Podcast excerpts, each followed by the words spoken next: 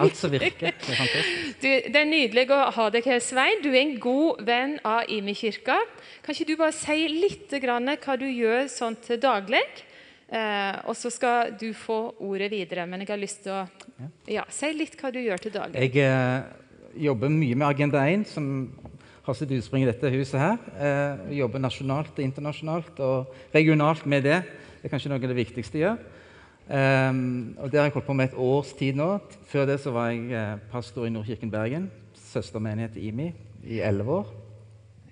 Og lenger tilbake tror jeg ikke vi gidder gå. Nei. Nei. Men det holder det, Svein. Jeg har gleden av å av og til høre deg synge, og det er bare nydelig. Ja. Da er det sånn at vi har lyst til å be litt for Svein før han taler. Så hvis dere her i Kirka gjør vi litt sånn at vi rekker fram hendene. Og så er det et uttrykk for at vi ber for deg, Svein. Kjære, gode far, jeg bare takker deg for at eh, Svein er vår gode venn. Takk for at du elsker han, at du bare har lagt ned i hans hjerte noe som du vil dele med oss i dag. Vi bare ber Jesus at eh, han skal få tale ut det ordet du har gitt han. Velsign han, og la oss være mottagelige for det du har til oss denne dagen, Jesus. I ditt navn ber vi. Amen. Amen. Takk skal du ha. Det er kjekt å få tale her, eh, og det er fort gjort å bli taler her. Fordi um, jeg satt og jobba med Steve Bruns oppe på et kontor, og så kom Irene inn. Eh, og så skulle jeg bare gi en beskjed til Steve Bruns. Og den beskjeden var noe sånn som at du, vi kutter Guds ansikt, og så tar vi godhet isteden. Eh, og så tillot jeg meg å si noe sånn som at uh, det er ikke sikkert at det, det er enten-eller, det kan være både og. Og da var det, så jo bra på meg og sa når vil du tale? Og her står jeg, vet du. Ja, ja. Men dere har en, en, en uh, historie her i IMI som er lang. Uh, mer enn ti år, mener jeg, med godhet. Og lenger enn det òg, men da har det fått et navn og en branding. Og jeg tenker jo litt, Hvis jeg skal si noe om det her, så er det litt sånn Er det mer å si, liksom? Tenker jeg. Det har levd sitt liv helt konkret i, i form av godhetssug og, og, festival. og det, det, har levd i forkynnelse, og det har levd i cellegrupper, og det har levd på alle slepper. Eh, og hva mer er det å si? Og Da har jeg lyst til å starte med å si at eh, ja, det kan godt hende at det mesteparten av dette har vi hørt før. Eh, og det er helt greit. Og er det noe nytt, så er det òg greit. Men vi kan aldri bli ferdig med Guds godhet. Det er der jeg har lyst til å begynne. Vi kan aldri bli ferdig med den. Vi kan aldri bli ferdig med det på en sånn måte ja, nå har jeg skjønt det der med godhet. For det har du ikke. Ikke jeg, og ikke du. Om vi får evigheten på oss, så vil vi ikke forstå nok til eh, av Guds godhet, fordi den er så enorm. Og heller òg våre erfaringer. Ja, men jeg har erfart det. Ja, det er flott, men vi har ikke erfart det til fulle. For Gud er større enn, og Guds godhet er større enn det vi kan fatte og forstå og erfare. Og litt av det eh, er den første historien jeg å fortelle fra Bibelen med Moses. Der dere nok også har hørt noe av det før, så spiller ikke det noen rolle. Men han blir bedt om å ta folket videre etter denne historien med gullkalven. Der folket prøvde å dyrke eh, noe helt, helt annet. Og så sier Moses, eh, 2. Mosebok, eh, kapittel 33, så sier han Hvis ikke ditt ansikt går med, må du ikke føre oss opp herfra. Og Så sier Moses videre, 'La meg få se din herlighet'. La meg få se din herlighet. Og så sier Gud, 'Jeg vil la all min godhet gå forbi deg' og rope ut for deg navnet Herren. Du kan ikke få se ansiktet mitt. Se, her er et sted tett ved meg. Still deg her på klippen. Og så sier Gud til slutt, 'Jeg vil dekke deg med håndflaten min til jeg er kommet forbi'. Moses spør til Guds herlighet, og Guds svar til ham er dette min godhet og mitt nærvær. Min godhet og mitt nærvær. Og Spør til Guds herlighet, så er Guds svar min godhet og mitt nærvær. Og så får Moses et møte med Guds godhet. Og det blir altså for mye av det gode. Fordi Gud må dekke ansiktet til og beskytte Moses, for det er for mye av det gode. Og jeg tror at, eh, at det eh, Jeg tror den tanken slår oss av og til at ja, Gud er god, men han er kanskje bare relativt god. Eller delvis god, eller av og til god. Jeg tror vi igjen og igjen og igjen trenger en sånn brainwash-greie. en Sånn å rense vår egen eh, måte å tenke på i forhold til det. For Gud er absolutt god, ikke bare relativt god. Og det er så fort å havne i et spor ja, ja, nei, men, og, og tviler på hans godhet. Men jeg har bare lyst til å slå det fast fra begynnelsen av. Det som Moses fikk erfare, at det rett og slett er for meg det gode. Det er, det er litt som solen. Du kan bli solbrent.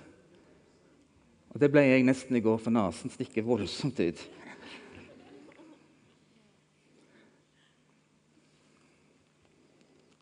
Og Derfor trenger vi nåde til å være i hans nærhet og hans godhet. Og så er Det neste jeg tenkte på, er det dette at hvordan viser Gud sin godhet? Hvordan viser Gud sin godhet? Og Det er et, et vers i, i, Johannes 1, vers 14, eh, der det står sånn Og ordet ble menneske og tok bolig blant oss og vi så hans herlighet. Der var det ordet igjen. Som den enbårne sønn har fra sin far, full av nåde og sannhet. Moses spurte etter å få se Guds herlighet, og Guds svar var godhet og nærvær. Og Det er det dette handler om. Det er sånn Gud kommer nær til oss. Han kommer nær ved å bli menneske og ta bolig blant oss. Han blir kjøtt og blod. Han blir konkret. Praktisk, hørte vi her i sted. Gud velger å komme nær i en kropp.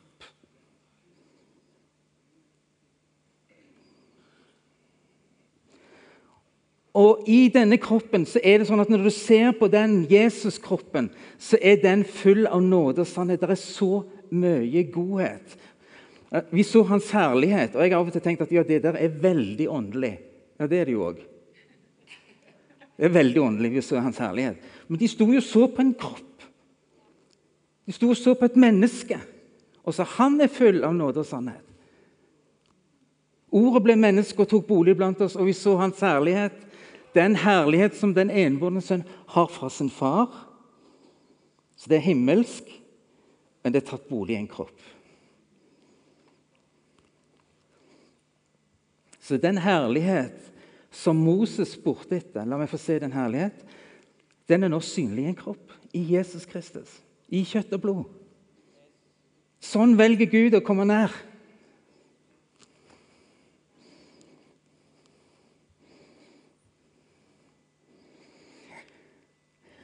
Jeg skal få opp en, eh, en første slide. Her eh, der står det 'inspirasjon'. Og Det kommer fra et flott ord som heter Spirit, eller Ånd. Og vi sang noen nydelige sanger, lovsangene til introduksjon om, om, om, Den hellige ånd som kommer som vind og som ild. og som, Det som vi kan lese om erfaringene på, på pinsedag. En sterk åndelig størrelse. og De prøver å sette ord på hva er dette for noe egentlig. Det var som ild og vind. Og Så sang vi en ny sang om pust og liv. Og På pinsedag så erfarte de definitivt, de, var de definitivt inspirert. Sånn som vi òg kan bli i lovsangen og i nærvær, om vi bare kjenner at her er det en åndelig virkelighet. Men den hører alltid sammen med noe annet. Og Hvis vi tar neste slide nå, så hører den sammen med et annet ord. Inkarnasjon og karna, eller karne, sånn kjøtt på restauranter. På italiensk. Eh, som, som, betyr egentlig det samme som når Jesus blir kjøtt og blod. Når han blir konkret, når han blir menneske. Og all inspirasjon lengter etter å bli inkarnasjon. Hele den åndelige virkeligheten som er så viktig å ta inn, for det, det er der livet puster og lever. Men det lengtet til å ta bolig i en kropp og komme til uttrykk i en kropp. For det var sånn Gud valgte å være nær oss.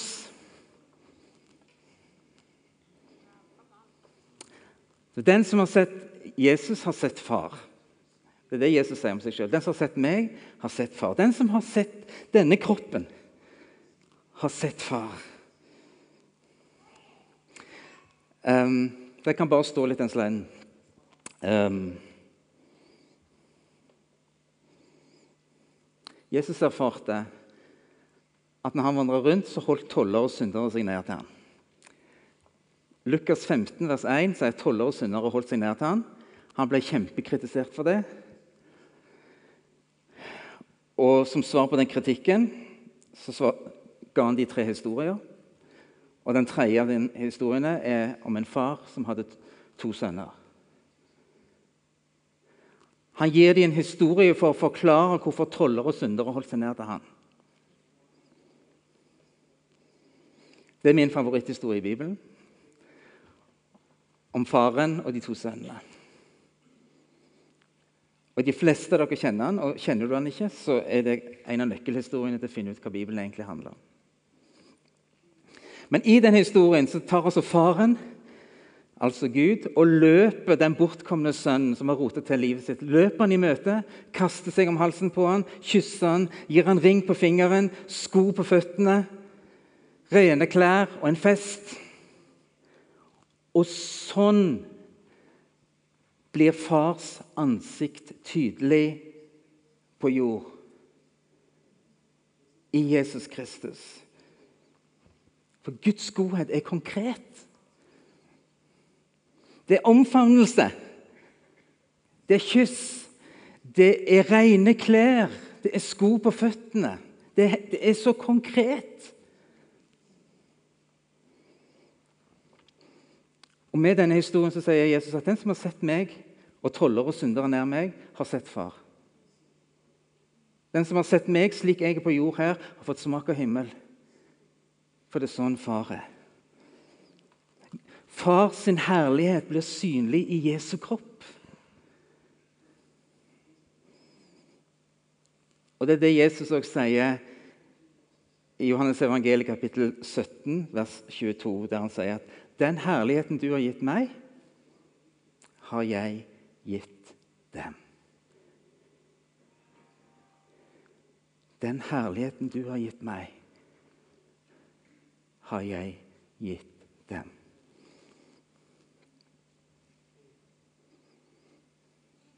Deg og meg. Johannes som sier vi så hans og vi så hans herlighet full av nåde og sannhet. Og så må vi flytte det et lite hakk til og si at den herligheten der, den er gitt til oss. For at den skal komme til uttrykk i våre liv på samme måte som Jesus sitt liv. Vi forvalter et nærvær, en herlighet, i våre liv. Og En av de historiene som jeg tenker forteller noe tydelig og sterkt om dette, er fortellingen om tvillingene Esau og Jakob. Fra Det gamle testamentet, første Mosebok, kapittel 33. Og jeg har jo forundra meg på på de to. Fordi Esau ble født først av disse tvillingene, men han er så, han er så forfulgt holdt jeg på å si, av sin egen bror Jakob. Jakob holder han i foten på vei ut i fødsel. Uh, og Hele livet hans handler noe om at Jakob, som da ble født som nummer to, prøver å stjele og dra til seg det som egentlig var Esau sitt. Og Så kommer denne episoden der der Jakob lurer faren sin til å få tak i førstefødselsretten og velsignelsen, mens Esau er ute på markedet. Og så, og så kommer Esau hjem og forstår at det er ikke en velsignelse til. Jeg forstår bare ikke hvordan det er mulig at det var bare én velsignelse. Men nok om det. Det var bare én. Og da står det at når, han, når det gikk opp for Esau at Jakob hadde lurt ham, så satt han i et hjerteskjærende skrik. Et hjerteskjærende skrik. Det er sånn aldeles nedenfor. Det er ikke velsignelse til meg. Og at de to da blir fiender, at de går hver sin vei, at de legger for andre for hat, det er jo ikke rart. Og Jakob blir redd for Esau. Lenge, lenge, lenge, lenge etterpå, når de har gått hver sin vei, så er de i ferd med å møtes igjen. Ryktet går. Jakob skjønner at Esau er på vei, og han har 400 mann. Det er jo en liten hær. Og han blir livredd og har tenkt jeg må blidgjøre broren min på en eller annen måte. Og så er vi i første Mosebok 33, og så står det Men Esau sprang mot ham og omfavnet ham. Kastet seg om halsen på ham og kysset ham, og de gråt. Jeg holdt på å si hvor vi hørt det før? Seinere i Bibelen. Og så står det litt seinere i vers 10. For da jeg så ditt ansikt, var det som om jeg så Guds eget ansikt. Så vennlig var det mot meg.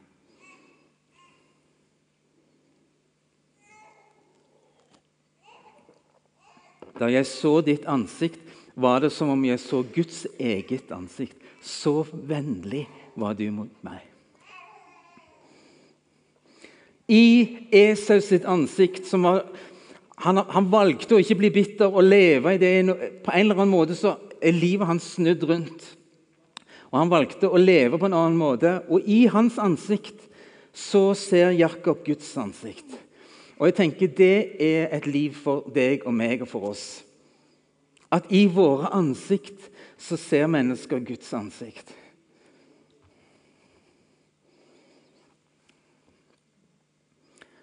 Det er en god mann på dette huset som har sagt noe om at folk vet ikke helt hvordan Gud ser ut.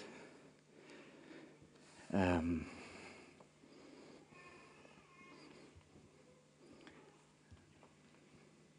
Det er ikke det at de ikke vil tro, de vet bare ikke hvordan han ser ut. Men nå har vi sjansen til å vise det sant?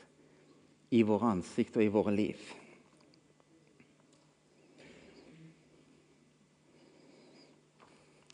Jeg tror vi trenger å minne hverandre på igjen og igjen og igjen at Gud velger å være nær andre mennesker gjennom sitt nærvær i oss. Gjennom deg og meg. At Gud velger å, å vise sin herlighet gjennom sin herlighet i oss. For den herlighet som var gitt til Jesus, den er gitt til deg og til meg. Eller som Heidi Baker sier, at kjærlighet ser ut som noe. Og dette har så mange uttrykk i våre liv. da. Enormt mange uttrykk. Det ser så forskjellig ut, men alt handler om at den ånd som har tatt bolig i oss, den åndelige virkelighet som, har, fått, som, gjør at vi har fått et nytt liv, den sprenger på og vil ut og bli konkret og bli inkarnasjon og kjøtt og blod og konkret og praktisk og gressklipper og hagesaks og bilvask og alt det. Jeg har en kollega som sa at um, Som ba en, en morgenbønn, og som uh, sa, til, sa, til, Gud på et litt sånn åndelig vis Gud, kan du smile til meg i dag? Uh, jeg, jeg, trenger, Gud, at du ser meg og bryr, bryr, deg om meg. Kan du smile til meg i dag? For den sa. Og Så kom han på jobb, tidlig på jobb, og hun som satt som resepsjonist på bispedømmekontoret, som det var, ga han et smil klokka halv åtte om morgenen. Som var sånn at han skjønte Å oh, ja, der er det, ja.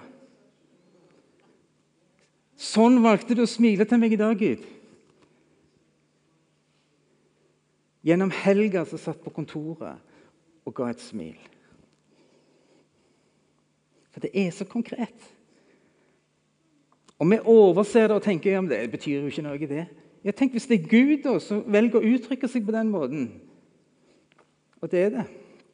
Jeg har en annen kollega som sier at jeg, jeg kjenner noen folk. Og de ber om vekkelse, sier han. Men etter min mening så er det første stedet de trenger en vekkelse, det er i sitt eget ansikt.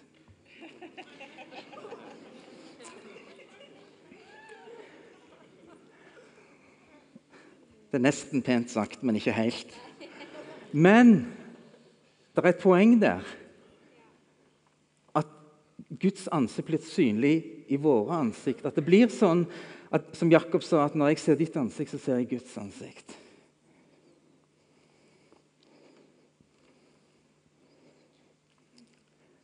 Um,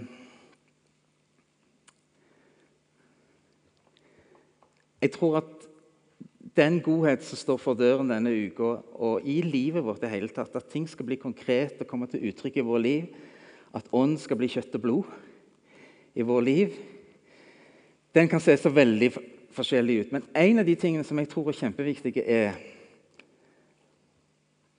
at det får være godhet. Punktum. Godhet uten baktanker. Jeg jobber mye med, Agenda 1, og vi jobber med planer og å leve intensjonelt og intensjonell atferd. Og kan av og til være voldsomt strukturert. og Får vi noe igjen for det? Får vi noe igjen for det? Får vi noe igjen for det?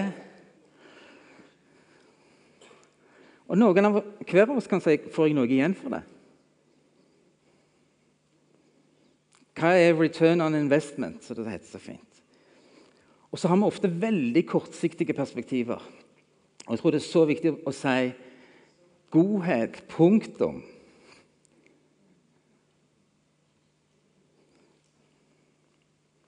For eh, 20 år siden så jobber jeg som ungdomsprest i Samnanger, en bygd utenfor Bergen. Og eh, jeg fikk et brev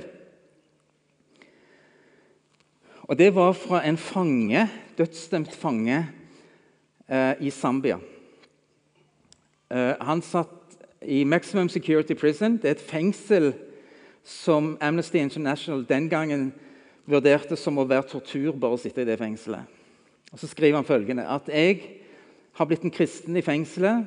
Jeg, har, eh, jeg leder en liten menighet. Vi bor seks mannfolk på seks kvadrat. Eh, vi har to bønnesamlinger om dagen. og Jeg aner ikke hvem du er, men jeg har bare funnet adressen din. Fordi det er noe som heter Alpha International News, som var en sånn liste med adresser på Alfa-rådgiver rundt omkring i verden. og Jeg var en av dem. Så hadde han ett frimerke, og så tok han én sjanse. Og så skrev han til en eller annen kar i Norge. Og Så ba han ikke om noen ting, men han bare sa vi har to bønnemøter om, om dagen. Og eh, hvis det er greit, så, så, kan vi være forberedere for dere.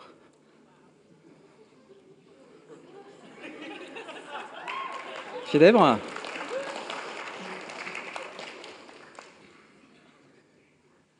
Og så eh, skrev han òg at det er streng kontroll i dette fengselet, så det er vanskelig å få brevet ut og inn. Og Jeg hekta meg voldsomt opp i det, så jeg eh, tenkte som så at eh, vi må sørge for at retursvarbrevet virkelig kommer inn. Så jeg kjente noen som skulle til Zambia. Som kjente noen som jobba i Frelsesarmeen, og Frelsesarmeen jobba i det fengselet. Så sendte vi brev der og det, den veien, og ingenting mer skjedde. Det gikk to år, og så fikk jeg et nytt brev. Der, der det sto 'Jeg har nettopp fått brevet ditt'. Og da har jeg tenkt etterpå hvordan har han hatt det i de to årene. Han hadde ett frimerke, og han tok en sjanse og ba til Gud om at det måtte være et eller annet menneske i andre enden.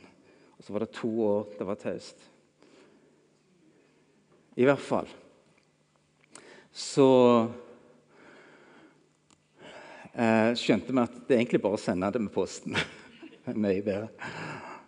De lever for å levere, og det gjorde de etterpå. Så det gikk veldig bra. Men så utvikla det seg mellom den ungdomsgruppa som jeg leda, og ei som heter Hilde Aarvik, som overtok dette arbeidet etter hvert, så utvikla det seg et, en utveksling. Vi kom med bønneemner, de ba Etter hvert så sendte en noen tannkoster og såper og litt, litt sånn inn i fengselet. Så kommer saken hans opp på ny. Eh, og fordi han har en liten støttegruppe i Norge med noen ungdommer i en liten bygd, så har han penger til en advokat og den Advokaten finner ut at det er ikke noen papirer. Papirene er vekke. Det er ikke papirer på denne saken. Så han ble satt fri. Og så Ja, er ikke det flott? Og så det første han tenker, Hvordan kan jeg fortsette å hjelpe mine venner som fortsatt er i fengsel? Og Så er det et lite fengselsarbeid som utvikler seg noen år. Men så bor han da i et slumområde med 500 000 i Lusaka i Zambia.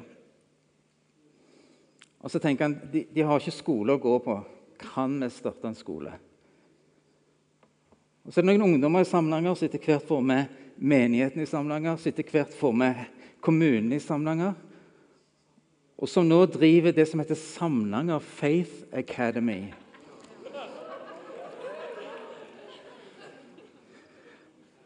Og Jeg snakket med ordføreren i Samlanger, og han var på nippen til å være med ned og besøke dette. For nå skal jeg, privilegert som jeg er, skal få lov til å møte han etter 20 år. Vi har aldri møttes.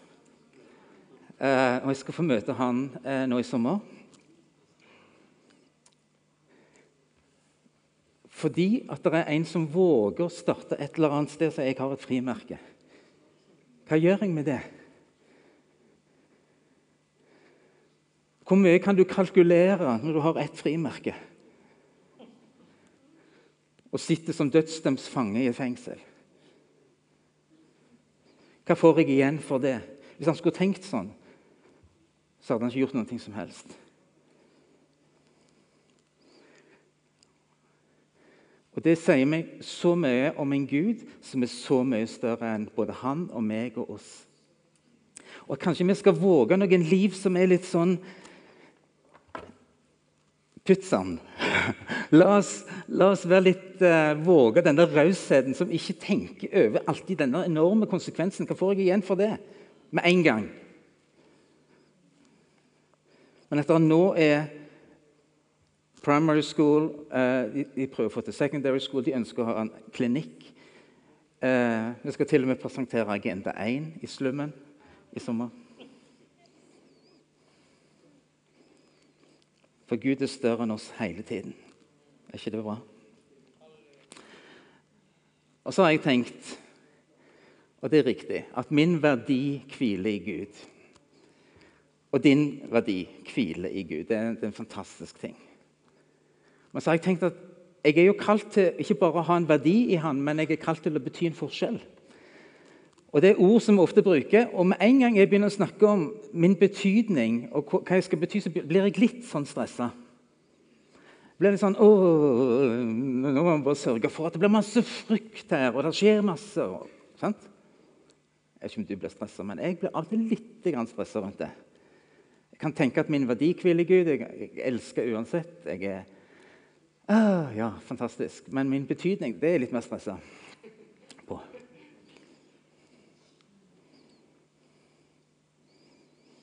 Og så har Gud minnet meg på at ikke bare min verdi hviler i Han, men min betydning hviler i Han. Der er det en slide på det. Ja. Wow! Min betydning hviler i Gud. Din betydning hviler i Gud. Som gjør at du skal slippe å stresse, men tenke at dette er av Han. I deg. At han har tatt bolig i deg med sitt nærvær. Han vil vise sin herlighet. og Senk skuldrene og la han få lov til å gjøre det han ønsker å gjøre i ditt liv. Og være en del av det han allerede gjør. La oss ikke ta det krampaktige grepet rundt godhet, men la oss bare Så det står 'Kast ditt brød på vannet'. Så skal du finne det igjen. Det står i Forkynneren. Kanskje det er neste slide? Er det? Eh, Forkynneren 11.1. Det er jo helt sprøtt. Kast ditt brød på vannet. Er det noen som har gjort det? Kast ditt brød på vannet. Det er sånn Snakk om å sløse. Send et frimerke til en, en eller annen kar i Norge. Eller et brev med et frimerke på. Den siste tiden så, Det er mulig at det er det at jeg begynner å bli eldre, og at jeg begynner å finne brødet mitt igjen. Det er, veldig, det er veldig gøy. Gled deg til du snart blir 60. Fordi at det, det, er bare et eller annet Nå har jeg altså møtt folk som sier etter 40 år De har vært vekke fra Gud i 40 år og kom tilbake, gitt sitt liv til Jesus. 40 år! Det er lenge det er brød på vannet. Jeg snakket med andre som, som sier at det som skjedde for 25 år siden, så kommer det tilbake. Gud har gitt meg velsigna meg med noen tilbakemeldinger som er sånn at jeg rett og slett bare skal jeg tror jeg skal bare fortsette med å kaste brød på vannet. Og jeg gir det videre til dere. Våg å kaste brød på vannet. Ikke tenk hva får jeg igjen for det. Og jeg tror det er en Det viktige med dette er at Gud ikke at, at dette handler egentlig ikke om oss, men det handler om Han. Og Han er stor nok til å kalle det tilbake. Han har et overblikk du og jeg ikke har. Det må ikke være opp til deg og meg å, vite om vi får noe igjen for det hele veien. Men at han er stor nok til å ta høsten inn fordi han er høstens herre.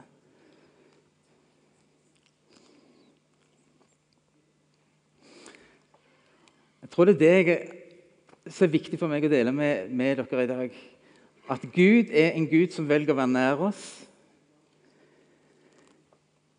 ved å bli kjøtt og blod. Ved å bli konkret og praktisk og nær. Vi trenger både inspirasjon og inkarnasjon. Vi er ikke interessert i døde kropper som ikke puster lenger. Vi trenger sånn en åpen himmel over våre liv. Vi trenger sånn at Den hellige ånd får lov til å gjøre sitt, sitt verk i oss, men han vil ut og bli konkret. Han vil ut og bli konkret i våre liv. Sånn at i ditt og mitt ansikt så ser mennesker Guds eget ansikt. Så vennlige var vi. Så vennlige var vi. Vi snakker ofte om at vi ønsker å se at Guds rike skal komme, at himmel skal komme til jord. Og det er så sant. Himmel søker jord i våre liv, i ditt og mitt liv. Den åndelige pusten vi har fått, dette nærværet, det søker jord. Akkurat som Jesus Kristus. At ordet ble kjøtt og blod og tok bolig blant oss, og vi så hans herlighet. Det er ikke noe som lenger bare sies om Jesus, men det sies oss om alle disse Jesusene som skal springe rundt i Stavanger denne uka her. Det er fantastisk. Våg å kaste ditt brød på vannet. Våg å elske noen andre med åpne, sårbare armer, som Jesus vågte det. Våg å smile Guds smil og be om vekkelse i et fjes. Ditt eget og ditt og mitt. Og så tenker jeg våg å se at det ubetydelige kan ha betydning. Våg å se at det, det, du tenker er ubetydelig, kan ha betydning fordi at din betydning hviler i Gud. Våg å se at det ubetydelige Se aldri på noe som ubetydelig. For det ubetydelige kan ha betydning når vår betydning hviler i Gud. Da er det Han som sørger for dette.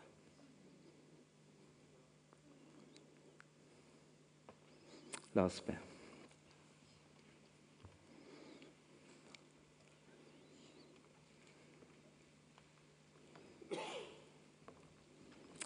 Jeg takker deg, gode himmelske Far, fordi at du har latt velsignelsen lyde over ditt folk i tusenvis av år. Og at du har latt ditt ansikt lyse over. Ditt ansikt lyse over oss, lyse over mennesker her. Og jeg ber for oss som skal gå inn i en ny uke nå, at vi må få være noen som lar ditt ansikt lyse over mennesker. Herre, jeg ber om vekkelse til vår kropp, til våre handlinger. Sånn at det blir tydelig og konkret hvem du er. For mennesker vet ikke hvem du er. Takk at ditt ansikt kan bli synlig i våre ansikt. Og tilgi oss, Herre, for de gangene vi tenkte at vi alltid skulle ha en sånn kjapp gevinst på alt, og at alt skulle komme tilbake til oss. La oss våge å tro deg for at vi kan kaste vårt brød på vannet. Og vi skal finne det igjen.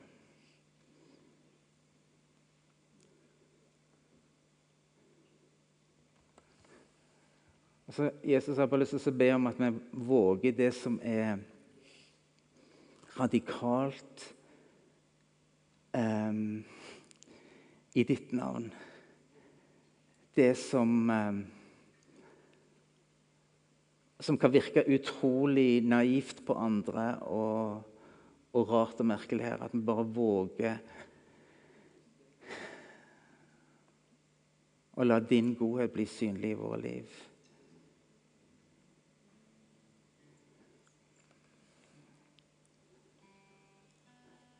Jeg ber om at, vi, at vi må gjøre oss frimodige eh, med et smil rundt munnen, med et ansikt som lyser, med hender som finner, og hender som tjener. Du, Jesus, som vaskte beina til. Du som bøyde deg ned for å løfte opp. Jeg ber om at vi får, får gå som deg, og leve som deg, og bli som deg.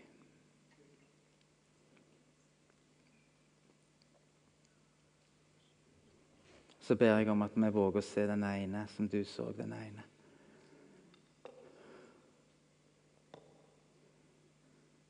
Vi våger å se den ene.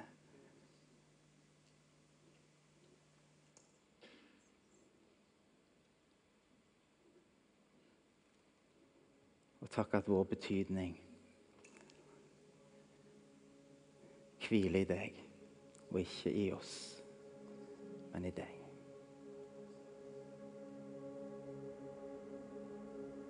Amen.